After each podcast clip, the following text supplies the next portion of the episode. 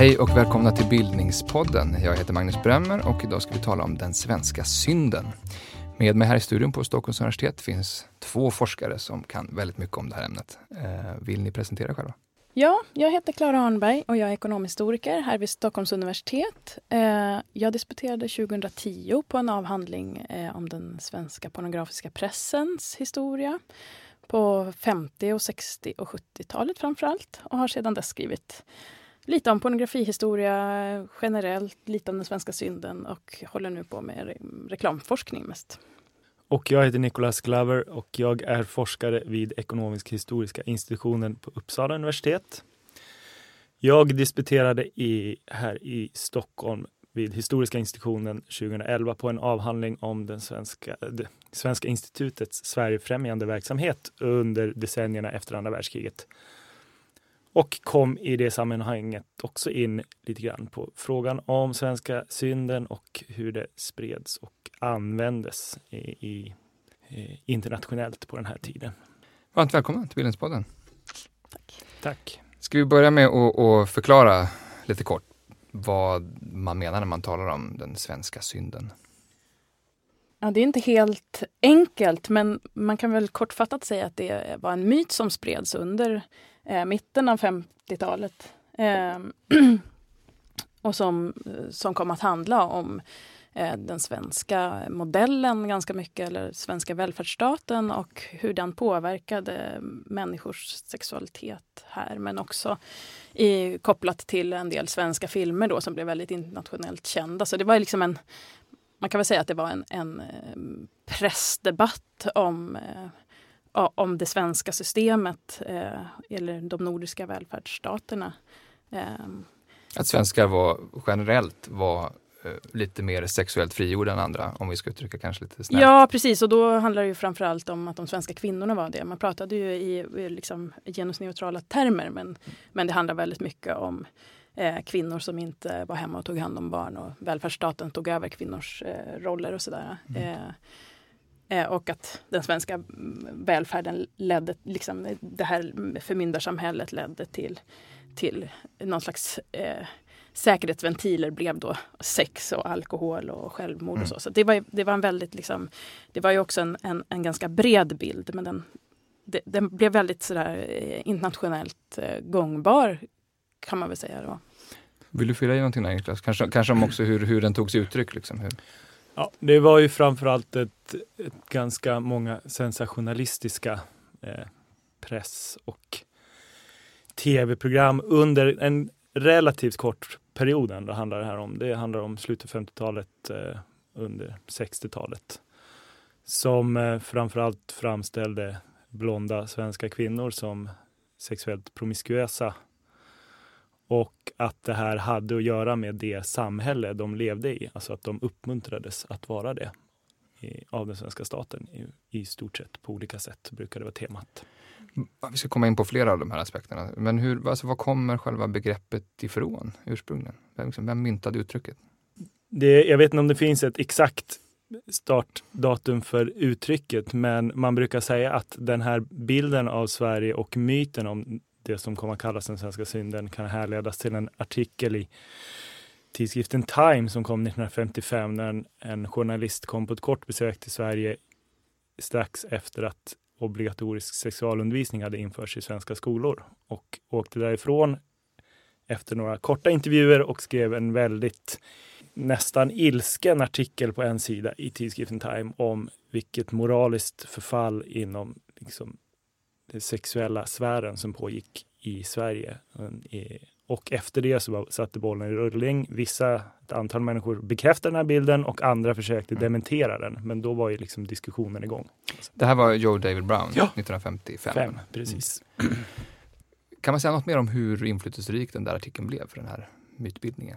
Ja, det kan man absolut göra. Man kan, alltså ett intressant historiskt faktum om den är ju att han flög in till Stockholm utan att ha varit i Sverige tidigare och åkte på en privat middag hemma hos Times Stockholms korrespondent där han då fick helt informellt träffa några framträdande svenskar, eh, bland annat Elise Ottesen Jensen som då var sedan länge en känd sexualupplysare i Sverige och pratade då runt middagsbordet med henne och de andra närvarande om vad som pågick i Sverige. Och det här blir material till? Och det här blir då materialet som han åker. Han kunde inte läsa svenska, men artikeln består bland annat av referat av vad som har sagts i svenska tidningar och vad svenska biskopar har sagt i ett brev för några år sedan. Och inget av det här har han alltså läst själv, mm. utan det här är hans, det han har fått höra om vad som pågår i Sverige. Så att baserat på extremt lösryckt och problematiskt underlag så orsakar det här ganska mycket diskussion eh, och till den grad att den svenska ambassaden i USA eh, måste skriva liksom en officiell invändning då i insändarsidorna på Time att dementera det här. Och vilket i sin tur då sätter tyngd bakom artikelns vikt. Mm. Så du klarar vill du lägga till något om Ja, alltså det som är innehållet också i den här artikeln, eller väldigt mycket fokus, det är dels på den här sekulära välfärdsstaten med att man pratar om att i Sverige har, har eh, sociologi i praktiken blivit någon slags den nya religionen. Eh, men sen är det också... Vad menar man då? Ja, alltså att, att, eh, att samhällsvetenskaperna i princip då hade ersatt den, den religiösa mor moraliska eh, hållningen sen tidigare. Mm. Och också det här liksom, fokuset på de här äh, prästerna eller biskopen eller vad det är för någonting är, förstärker ju mm. det. Men också att, att någon slags religiös äh, moralisk uh, ryggrad har, har försvunnit ja, i samhället. De har lagt sig för den här nya ordningen. De har gett mm. upp. Precis. Eh, och också att, man, att, att eh, ogifta mödrar betraktas som så här, practical heroines. Mm. Så att det är, De är hjältar. Är, precis. precis. Så att det är ju... Eh, det blir en väldigt...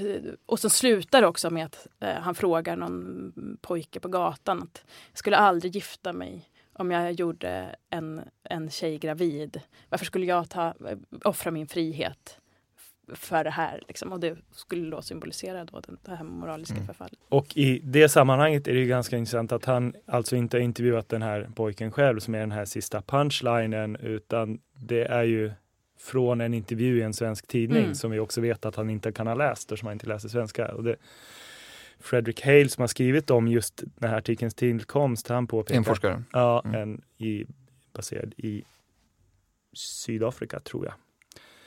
Eh, men han har påpekat att hela den här artikeln i sin tur är ett plagiat av, i stort sett plagiat av en annan artikel som hade kommit ut i en brittisk tidning bara månader tidigare. Så att, mm. så att Joe David Brown har med ett extremt havsverk satt igång en väldigt intressant internationell debatt mm. som han absolut antagligen själv inte förutsåg mm. vilka effekter det skulle få. Därför att det fick ju, som vi kommer komma in på, både en internationell spridning men också en satte fart på en diskussion i Sverige och kom att få en, en, en under en period en, ganska stark prägling på svensk gemensam nationell identitet också. Mm. Så det, det, det, kan, det, kan, ju vara bara mm. en, lär, en lärdom för framtida journalister att även om man gör ett jättedåligt jobb så kan man få väldigt... så kan man få genomslag. det tror jag många vet idag men, eh, men om vi säger, om man pratar om eh, de, de liksom enskilt viktigaste populärkulturella eh, händelser eller eh, kanske, du pratar om några filmer till exempel. Mm. Ja men här har vi ju, alltså Hon dansade en sommar som kom 1951 och det här är ju... Arne Mattssons film. Ja precis, det här är ju före den här eh, artikeln. Men man, man, kan väl säga att det som gör att den här det, filmen kommer 51 eh, och artikeln 55. Precis. Mm, så det finns, det finns ett underlag för... Precis, och sen finns ju Sommaren med Monica som också en Ingmar Bergman-film som kommer då också. Eh, 53 ja. Precis. Eh, och sen senare har vi Kärlekens språk och Nyfiken gul och sådana där filmer som också blir mm. storsäljare i, i utomlands. Mm. Eh, och som också är på gränsen till vad som är, är tillåtet i många, många länder. Så att jag menar, när den här artikeln kommer så finns det redan en populärkulturell bild av mm. den svenska kvinnan som eh, har, har sex med, med liksom tillgång till preventivmedel. Man, eh, någorlunda i alla fall, eller att, man, att det är en oproblematisk delvis då, liksom föräktenskaplig sexualitet och mm. kopplat till de här svenska vackra sommarbilderna och mm. sådär. Eh, så det finns den typen av liksom, förförståelse som mm. kanske också gör att, den här, eh, att, det, att det får ett sånt genomslag och också i relation till den svenska eh, hållningen i pornografifrågor eller i filmcensur mm. eh, och eh, också tryckfrihetsfrågor. Eh. Ja, för du nämnde också att Joe David Brown kom hit för att han är intresserad för sexualupplysning, eller åtminstone mm. en anledning till att Absolut. Sexualundervisning man, man kan nog säga att både Hon dansade en sommar som fick ett stort internationellt genomslag och där det blev känt just därför att man ser eh, ett ungt par eh, ha sex utan att vara gifta. Och det är för sin tid hyfsat explicit, det vill säga man ser lite naket bröst. Mm. Mm. Eh, det, det hade ju satt igång den här populärkulturella grogrunden på något vis. Och sen så bara ett par år senare kommer det något av en världsnyhet när obligatorisk sexualundervisning införs i svenska skolor. Så att de där, där är Sverige väldigt tidiga då? Absolut. Först. Va? Först. Mm. Och det innebär att man har två byggstenar här som jag tror att mycket av den här myten sen bygger på. Där det ena är den här helt naturliga sexualiteten ute i det fria. Naturfolket uppe i, i den kalla Norden eller midnattssolens land beroende på vilken, vilken är. Eh, ohämmad liksom eh, de lyckliga urmänniskorna.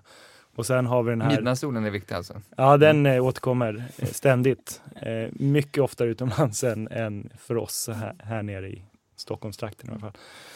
Eh, och sen å andra sidan så har vi den här staten som håller på och, och laborerar och, och lägger sig i och påverkar människors syn på sexualitet. Så ena sidan har vi det helt naturliga och andra sidan hotet om det konstruerade eller helt liksom eh, påhittade på något vis. Mm. Och de två spåren finns redan i Joe David Browns artikel och de återkommer i olika konstellationer och i olika eh, syn på om det är bra eller dåligt liksom, under de här 15 åren ungefär som vi pratar om. Då i första. Och så lite slängigt skrivet och så har man en, en bomb där. Absolut.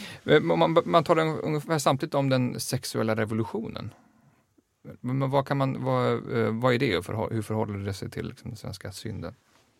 Jag skulle inte säga att det är riktigt det samtidigt. Den svenska synden kom på 50-talet och sexuella revolutionen skulle vi väl kanske snarare placera någon gång i mitten, slutet av 60-talet eller kanske lite tidigare beroende på vem man frågar.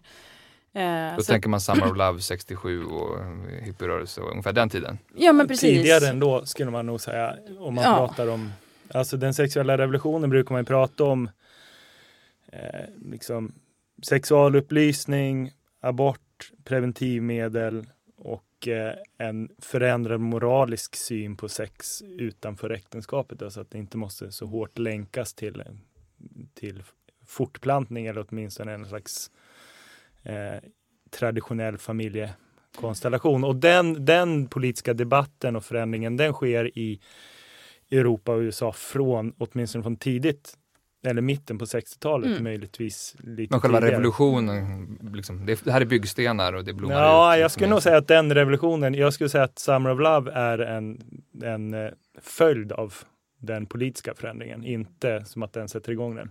Samtidigt så kan man väl också, jag menar, det beror på vad man menar förstås med sexuella ja, revolutionen, en del vill inte prata om det överhuvudtaget. Men, men, men, samtidigt så, så, är det ju liksom det här liksom samboskap och den an, andra typer av samlevnadsformer där äktenskapet liksom förlorar sin status lite grann. Och det var ju det som många var väldigt oroliga för under, under 50-talet. Där. Eh, det kommer ju successivt. Det är ju inte på det sättet en revolution att från en dag till en annan så, så har vi en helt andra sexuella, äh, sexuella relationer. Men, men det är klart att det, det sker ju under, det är ett 60-talsfenomen eh, snarare än ett 50-talsfenomen. Så det här är ju mm. liksom, det här föregår ju det och det var ju precis det som, som många befarade eh, i USA då framförallt, eh, men också i andra länder. att Sverige visade hur det skulle komma att gå i andra länder mm. om nu bara välfärdsstaten fick liksom ha sin gång. Eh, så att det sågs ju som ett varnande exempel vartåt världen var på väg och det är det som är själva... Det som, det som gör den svenska synden synd är att den föregriper den sexuella revolutionen. Ja, ja absolut, ja men så är det. Alltså hade obligatorisk sexualundervisning och Hon dansade en sommar kommit 62 eller 63 så hade det gått obemärkt förbi. Mm. Och det hade liksom inte, det hade inte varit en blipp i den internationella liksom, utvecklingen på något sätt. Men om vi bara fullföljer filmspåret så har vi 67 och Vilgot Sjömans eh, Jag är nyfiken gul-filmer. Mm. Eh, den första Nyfiken gul kommer väl då. Mm, 67. Precis. Men du, de är ändå betydligt mer explicita än Hon dansade en sommar. Ja. Men här, är- här Men liksom... betydligt och betydligt. Alltså i Hon dansade en sommar så visar man en bröstvårta och i Nyfiken gul så visar man ju då oralsex. Men om man tittar på det får man verkligen här, man får pausa liksom och titta. Och då är det liksom, det är ju liksom Det är det ni forskare gör på, Ja, precis. som filmforskare. Precis, jag, jag höll en, en sån gästföreläsning i Kanada eh, och då skulle jag visa det, då, det här hemska klippet för de kanadensiska filmvetarna som läste en kurs om pornografi. För då hade vi liksom tittat på lite porrfilm så här varje gång och diskuterat eh, pornografins historia och så. Och så skulle jag visa det där. Det var ju liksom eh, de kunde bara inte förstå hur det kunde väcka sånt rabalder för det är liksom Mm. det är ju det är inte direkt något stånd utan ja, Lena Nyman håller på så här dallra lite på, på och, och, och, och det syns verkligen, det är verkligen en liten del av själva mm, den stora bilden. Så att, jag Börje, ja, Ahlstedt och Lena Nyman spelar. Precis, men nu minns jag inte om det faktiskt är han som om det är han som är mannen i just den här sexscenen. Mm. Eh, men eh, Det men hur som det helst, det är klart att det är, att det är mer sexuellt explicit men när man pratar om det så låter det ibland som att, att det var eh, pornografi i den bemärkelsen som vi känner den nu och som Mm. i och för sig folk kände till då också. Det fanns ju den typen av eh, liksom, mer explicit pornografi men det visades ju inte på, på, på de officiella liksom, filmduken. Så. Nej, men Det, är det som är Det flyttade fram gränserna internationellt kanske. Mm, Då för, mm. jag, jag vet inte om det var den här filmen, någon av de svenska filmerna som till svenska synden hade väl, det har talats om biografer där man hade tider för de här olika scenerna på kanske mindre officiella biografer. Ja. Jag vet inte om det där stämmer. Jo, men det var nog Nyfiken gul och eh, sen så en annan film som man brukar prata om i det här sammanhanget är ju den italienska filmen Sweden Heaven or Hell. Eh, som inte hette så på italienska uppenbarligen. Eh, det, var, det var en dokumentär. Nej, Nej, det är en, eh, en låtsasdokumentär Mm. eh, i genren Mondo-filmer som hade hållit på under sen 62 tror jag. Eller om det Lite 64. sensationalistiska. Extremt sensationalistiska, ofta, alltså ganska likt det vi stöter på mer och mer idag, en slags blandning mellan eh, skådespel och dokumentär. Där hela poängen var att man skulle visa världen i dess eh, hemska och fascinerande, liksom obehagliga, underbara eh, utformning. Så att det, det, de börjar med, de visar liksom hundar som sliter ihjäl varandra och eh, uppjagade massor och många nakna kvinnobröst. Alltså det här är hela genren. Och så åker de runt i olika delar av världen och tittar på så kallade kannibaler någonstans ute i Stilla havet och hur de lever sina exotiska frivola liv och så betar de av olika länder. De åker till Hollywood och tittar på hedonismen i Hollywood.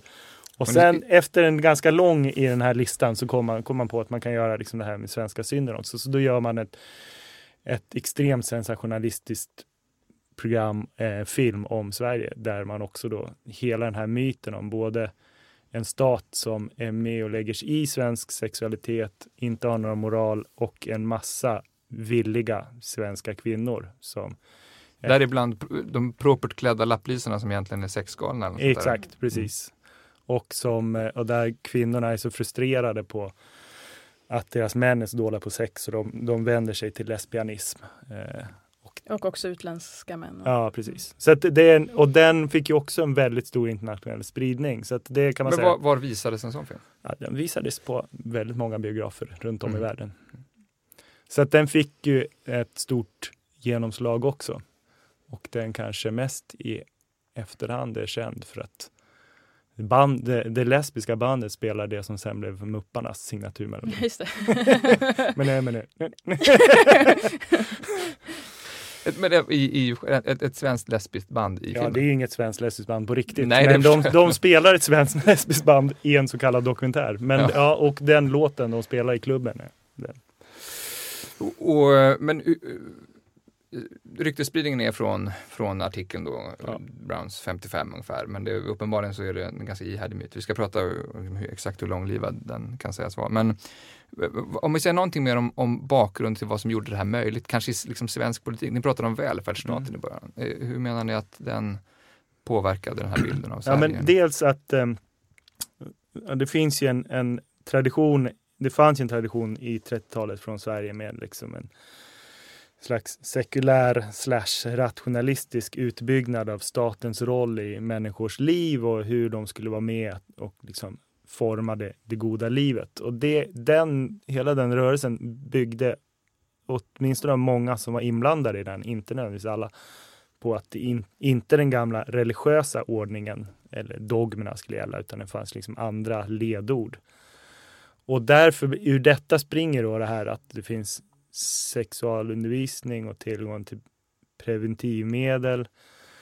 Eh, och det här kopplat då till att Sverige under åren efter andra världskriget, eller under andra världskriget såklart och därefter har valt att vara neutrala i konflikten mellan öst och väst gör att den här staten enligt många utländska bedömare sticker ut när de tittar runt i världen.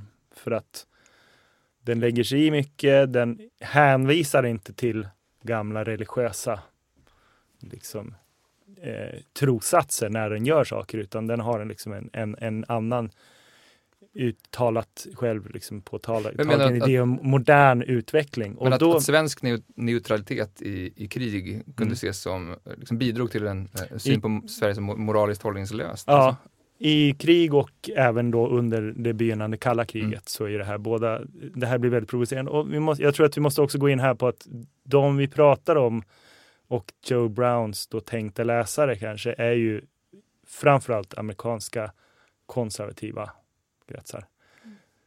Den svenska spri synden sprider sig sen runt om i världen på olika sätt. Vi, det är ingen som har kartlagt exakt hur mycket och vilket genomslag.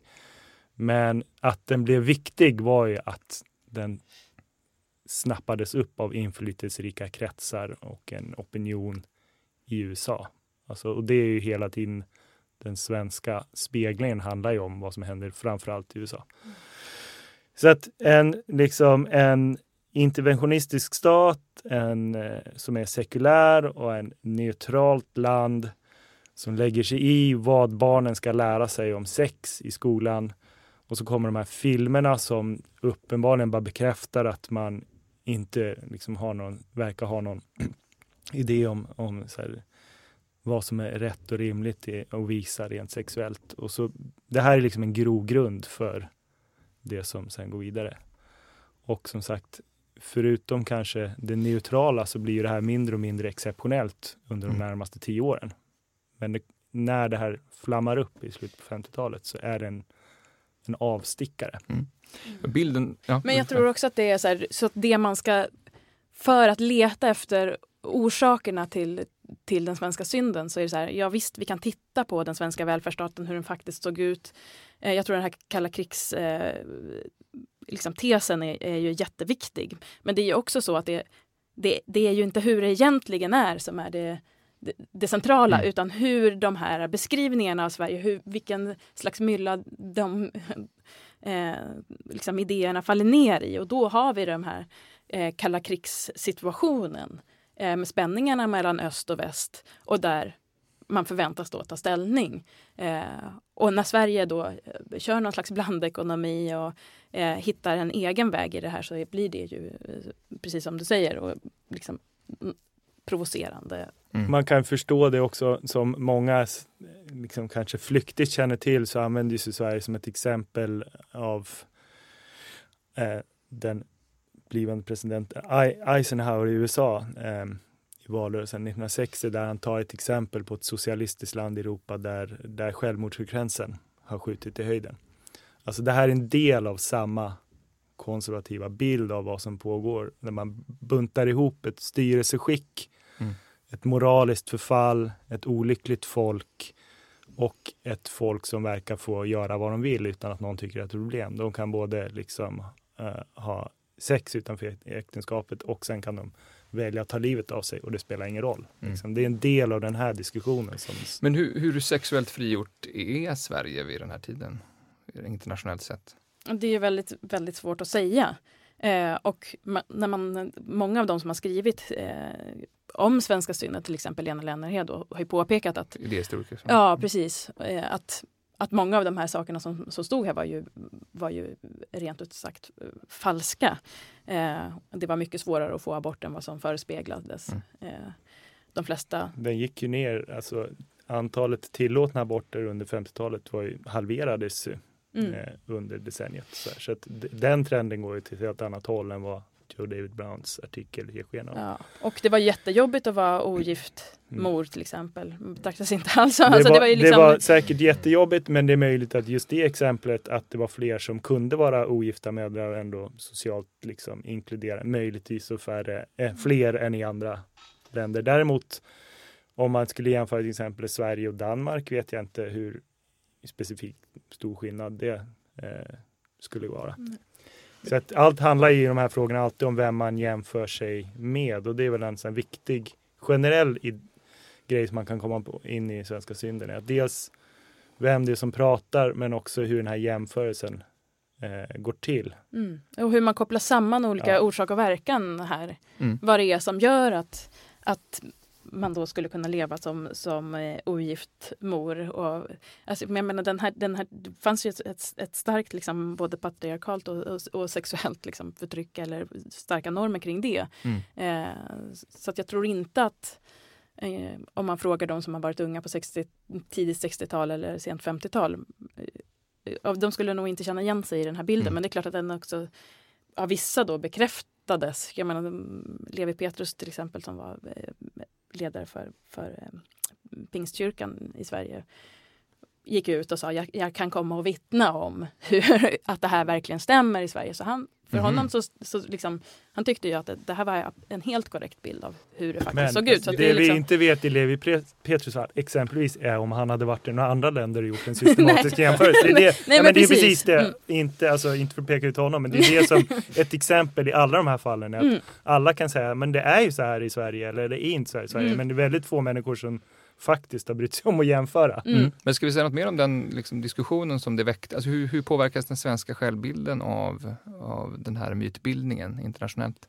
Ja, man kan säga, alltså i min forskning när jag stötte på det här utifrån ett perspektiv där officiell, officiella försök att liksom arbeta med Sverigebilden utomlands eller Sveriges rykte utomlands så är den första reaktionen efter att ambassaderna reagerat där 1955 så finns det inte jättemånga spår som jag har sett där man från officiellt håll pratar om det här. Men sen i början på 60-talet av olika anledningar, eh, möjligtvis kan man också koppla det till att den pornografiska pressen då också börjar liksom göra kommers av bilden av, av eh, den svenska synden och det ska vi återkomma till. Så inser man att man inte kan inte prata om det utan då försöker man vända den här bilden till ett exempel på Sveriges modernitet. Mm. Och det passar ju väldigt bra med den bild man vill förmedla utåt och en bild som man håller på att bygga upp inåt. Jag menar, stora delar av Sverige, beroende på hur man väljer att se det, var inte moderna, beroende, alltså som de själva, som de själva skulle definiera det på den här tiden. Men det var en väldigt viktig del av den urbana, liksom, eh, eh, Stockholmsbaserade eller storstadsbaserade bilden av hur Sverige skulle vara och var på väg. Och då var ju liksom modernitet ett ledord.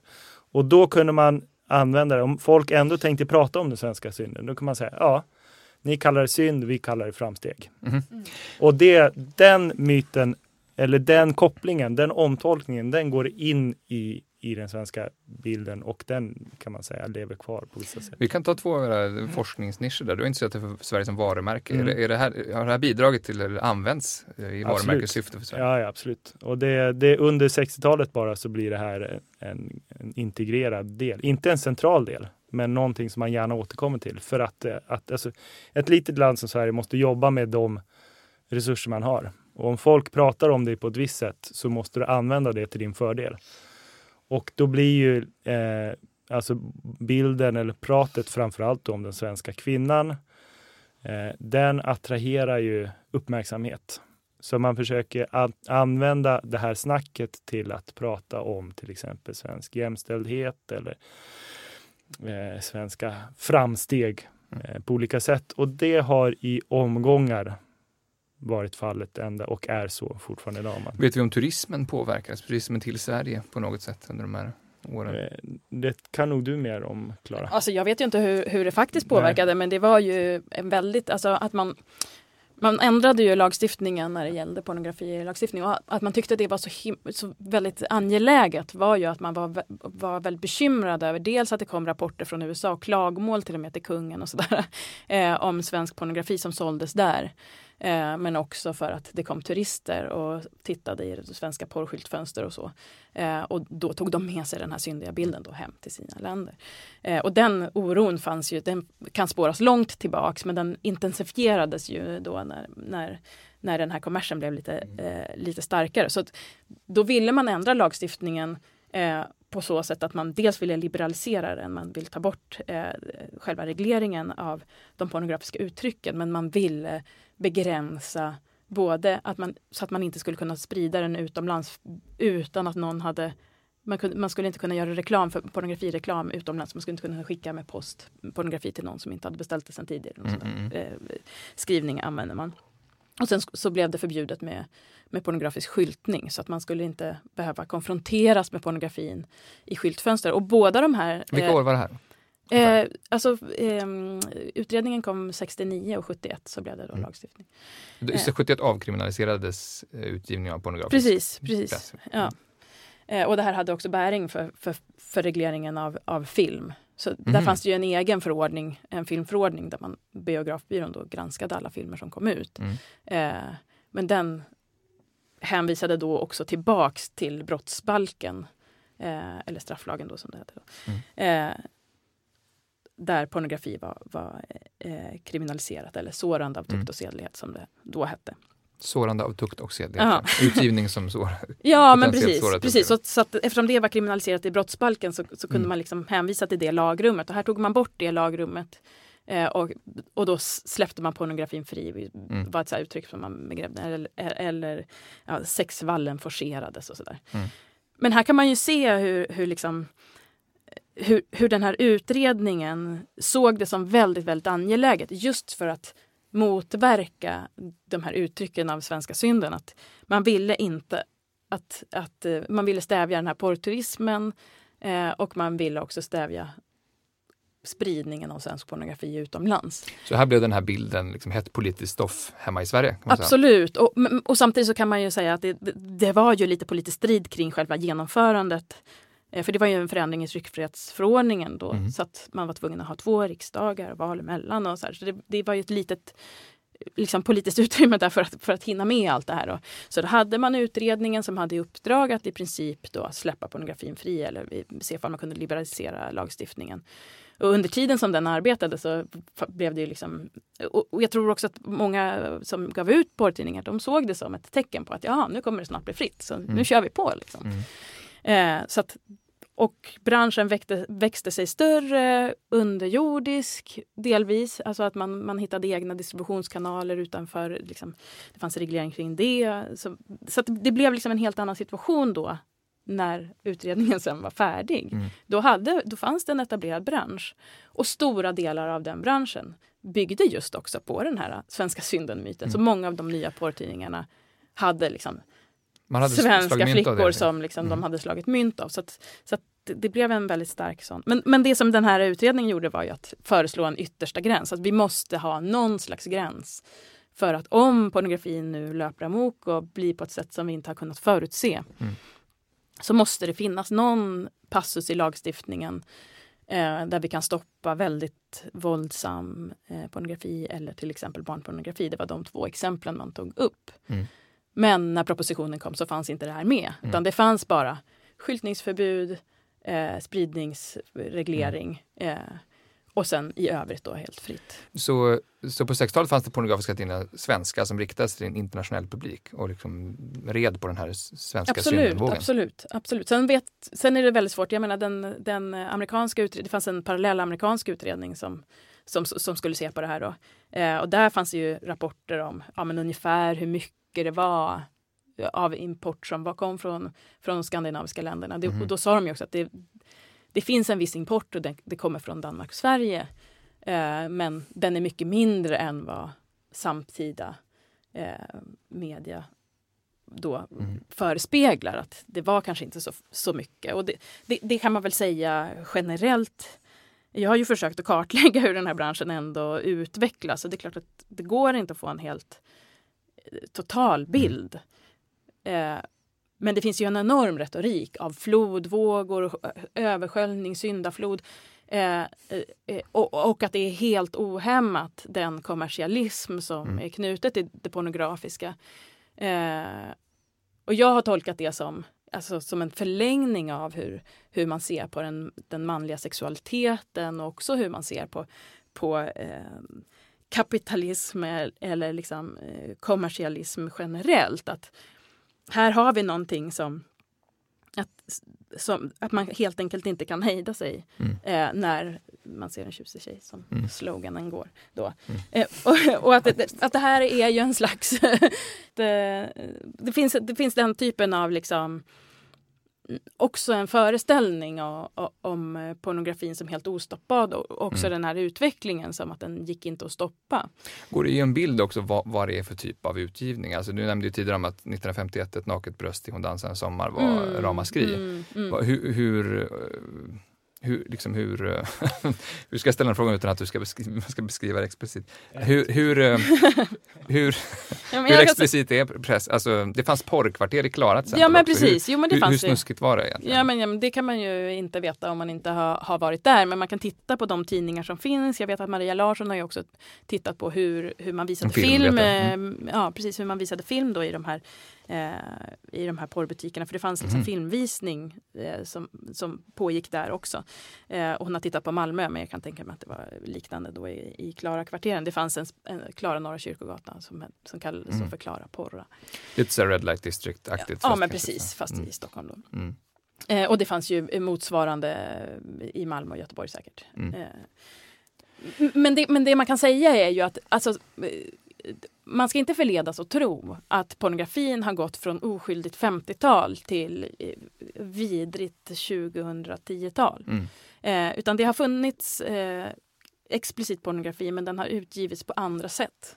Så att tidningar liksom film som visas på, på biografer. Det har ju varit ett officiellt medium som man har sett, alltså man har kunnat gå in i en butik, man har handlat det öppet. Mm. Och därför har det varit föremål för olika regleringar. Sen har det funnits den underjordiska pornografin mm. som har visat de här mer explicita bilderna. Sen kan man diskutera om den, den, men det är den pornografin man ska jämföra med, mm. med dagens öppna pornografi. Ja. Eh, för, och inte det här, för det här handlar ju om hur, hur mycket regleringarna kan kan kontrollera det här. Och då fanns det en distributionsreglering, det fanns lagrummet då. Mm.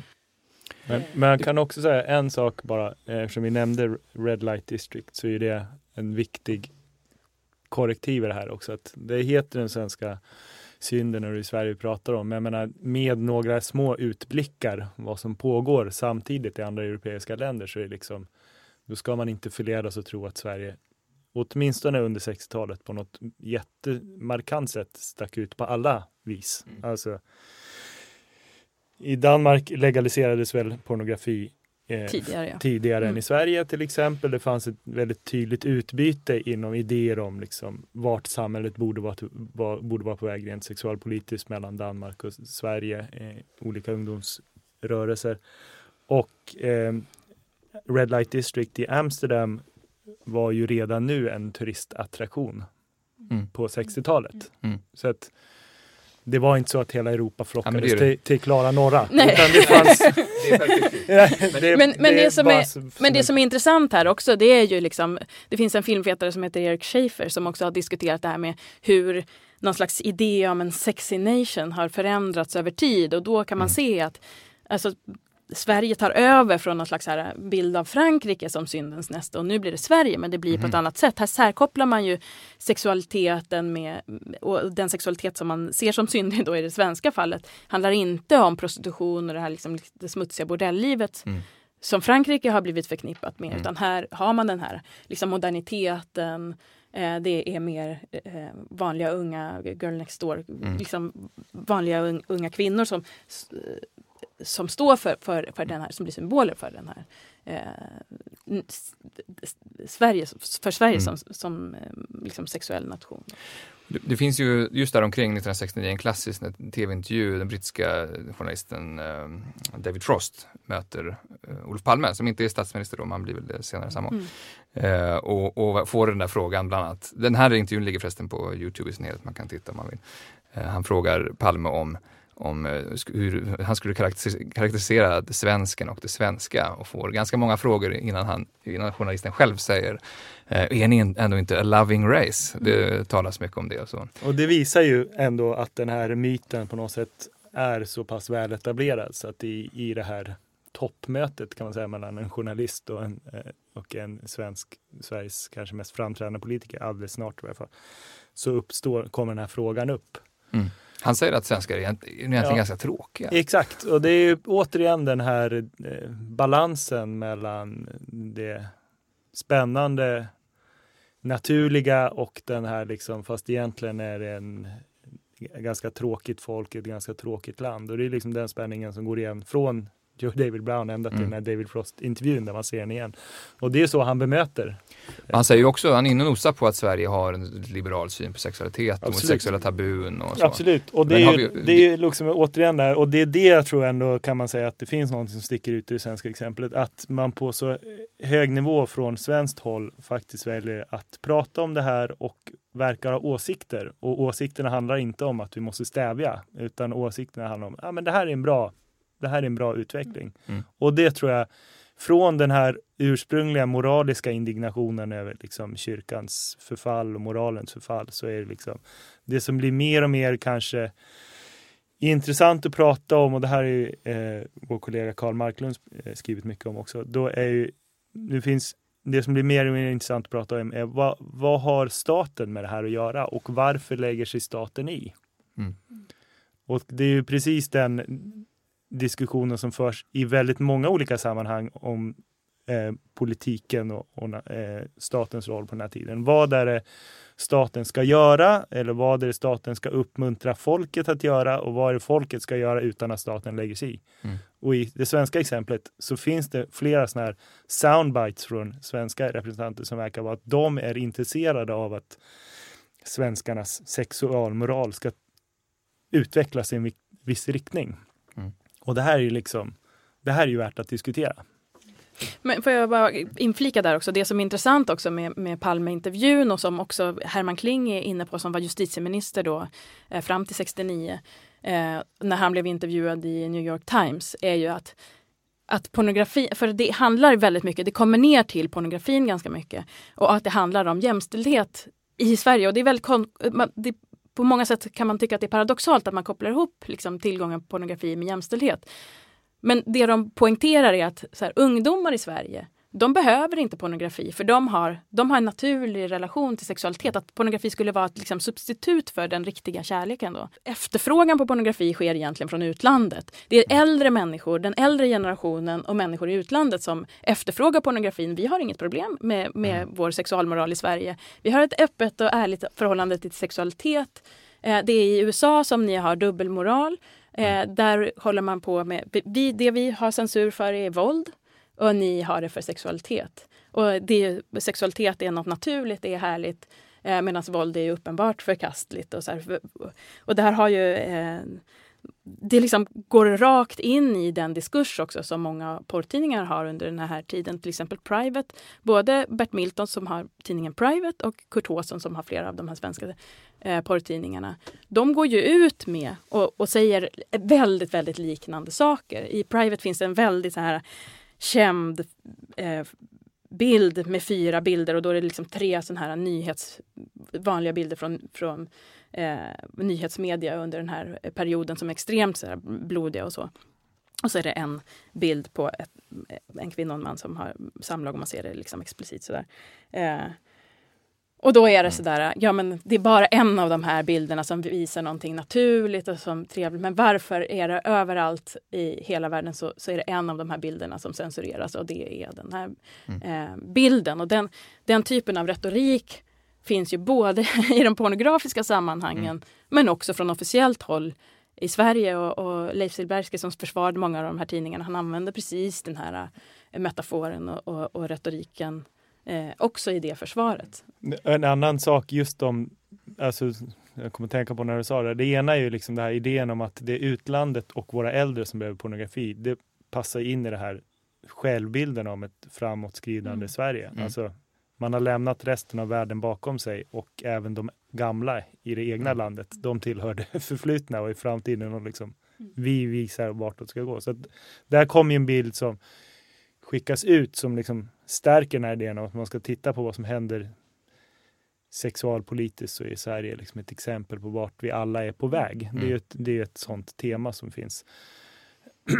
Och, och Sverige hade väl ändå en, en rätt fortsatt fortsättningsvis en rätt radikal, åtminstone progressiv eh, sexualpolitik. Absolut, men det, som sagt, den är, eh, det finns olika varianter av den ute i Europa mm. med olika, mm. liksom, olika årtal där skillnaden är inte jättestor så vitt jag kan eh, utläsa det. Nej, och sen händer det ju någonting på 70-talet också. Ja. Jag menar den här typen av retorik. Internationellt? Nej, i Sverige. Alltså att, att den här typen av retorik, att de unga, de, eh, de har så fri sexualitet och de gillar pornografi, de är inte emot det och så. Man mm. hade gjort undersökningar som visade det också, så det, man hade ju på fötterna när man sa det.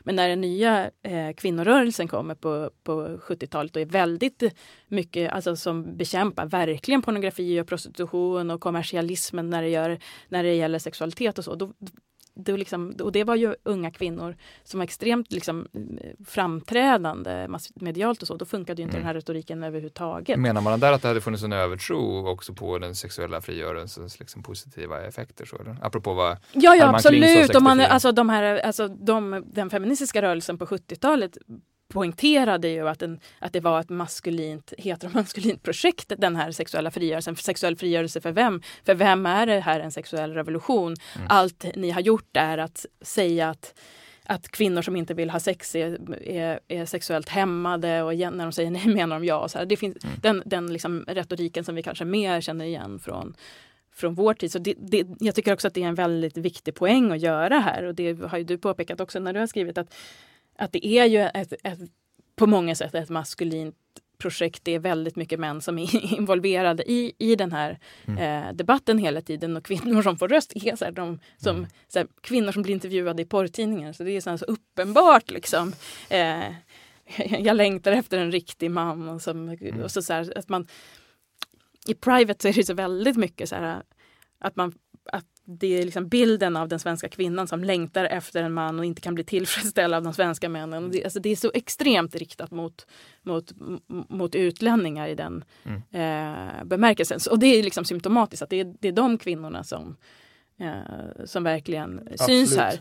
Eh, och sen också i, i, liksom, i motståndarlägret då under 60-talet eh, så är det ju de här det, det blir en väldigt tydlig uppdelning mellan det, de här liksom kristet konservativa mot de progressiva sexradikalerna. Och det är klart att, att det blir tufft att stå på den ena sidan och väldigt ohippt att stå på den andra sidan. Eh, däremot så finns det ju såklart exempel. Nina Stin var en sån där som fick ge ut en, en porrtidning för kvinnor. Och så här, som, alltså, som är så extremt liksom, eh, queer-radikal nästan i sin eh, ton då, men hon blev utskrattad och det gavs bara ut några enstaka nummer och så där, av, av den. Eh, den tidningen då. Men, men, men, hur, hur jämställd var pornografiska pressen i stort? Ja men det beror på vad man, jäm, vad man menar med jämställd. Mm. Alltså jag menar, jag har gjort någon sån här undersökning och tittat på, men hur, var det så att, att pornografin var liksom gjord för män av män? Ja, det var det. Men inte mer än vanliga tidningar till och med mm. mindre än vanliga tidningar. Så den mm. var mer jämställd än förlagsverksamheten i Sverige generellt. Så att det är mer en fråga om... Eh, och de kvin- det var ju flera stycken av eh, de här porrutgivarna som också bråkade väldigt mycket med, med, lag, med mm. eh, eh som, som provocerade den här lagens gräns. Liksom som var kvinnor. Men de gjorde ju också, jag menar det var inte så att deras alster var liksom feministiska porrtidningar eller så. De såg ungefär likadana ut. Så, så på 70-talet så bearbetar man eh, det här 60-talet på sätt och vis med, eh, med en kvinnorörelse som eh, kommer med kritik och, och också manliga politiker, flera förslag på liberaliseringar som har med sänkta straff för våldtäkt och så vidare. Alltså det här är någon, vad, vad händer med bilden av den svenska synden framåt? Ja, men den, den problematiseras ju som sagt både inom Sverige,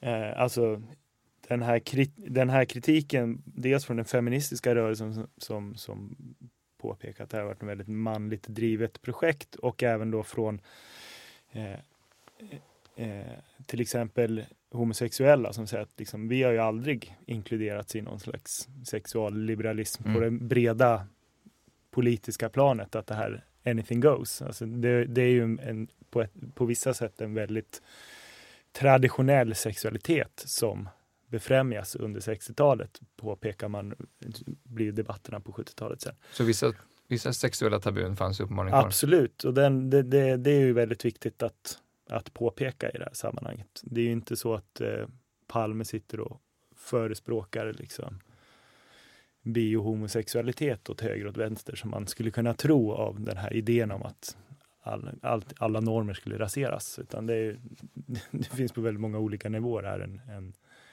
en fortsättning av gammal mm. god mm. God sexualitet. David Frost och Palme sitter väldigt nära varandra. Ja, jag tänkte Och de tittar väldigt djupt i varandras ögon också. Men Olof Palme drar liksom in benen lite grann. Han är mycket mer obekväm med närheten än vad David Frost är verkar som.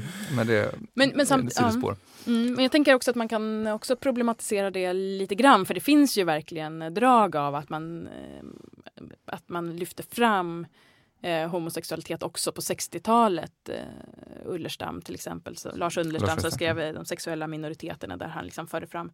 Det var 64. Precis. Mm.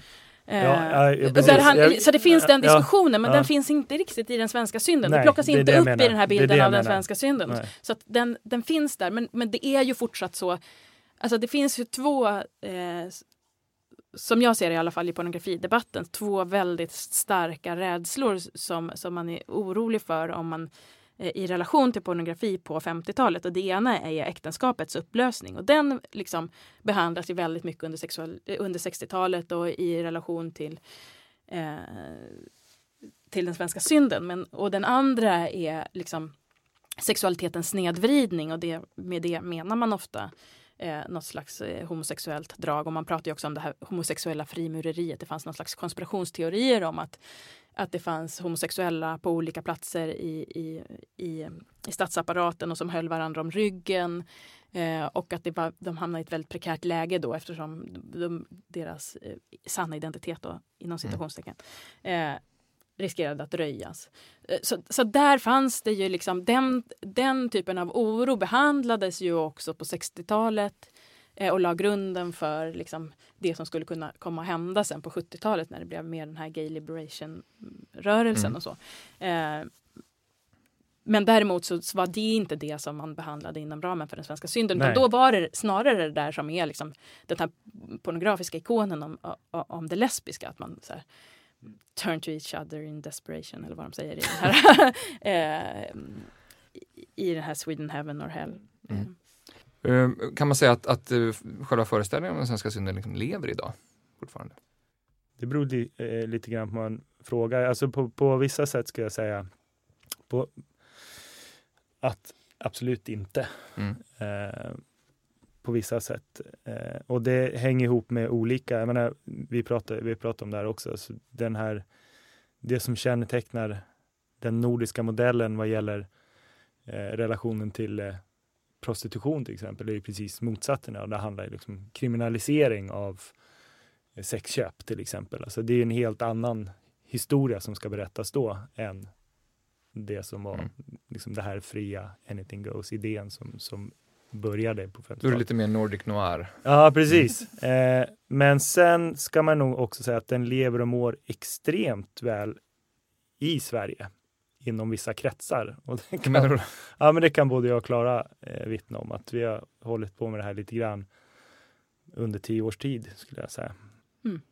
Och få frågor om man, Och man det här är det enda som ständigt återkommer som en fråga om man antingen kan skriva något eller uttala sig om eller berätta eh, mm. någonting om. Under loppet av 24 timmar nu i, i höstas så fick du tre förfrågningar om just svenska synden. Mm. Varmt tack Klara Arnberg och Niklas Glover för att ni ville vara med. Tack. Tack. Tack också ni som har lyssnat. Eh, vi är tillbaka om en vecka med ett nytt avsnitt. Gå in på bildningspodden.se, lyssna på tidigare avsnitt och eh, följ oss i sociala medier. Tack för idag. Hej! Du har lyssnat på Bildningspodden, en podcast från humanistiska fakulteten vid Stockholms universitet. Producerad av Magnus Bremmer och Claes Ekman. Podden spelas in på Språkstudion och tekniker är Henrik Nordgren.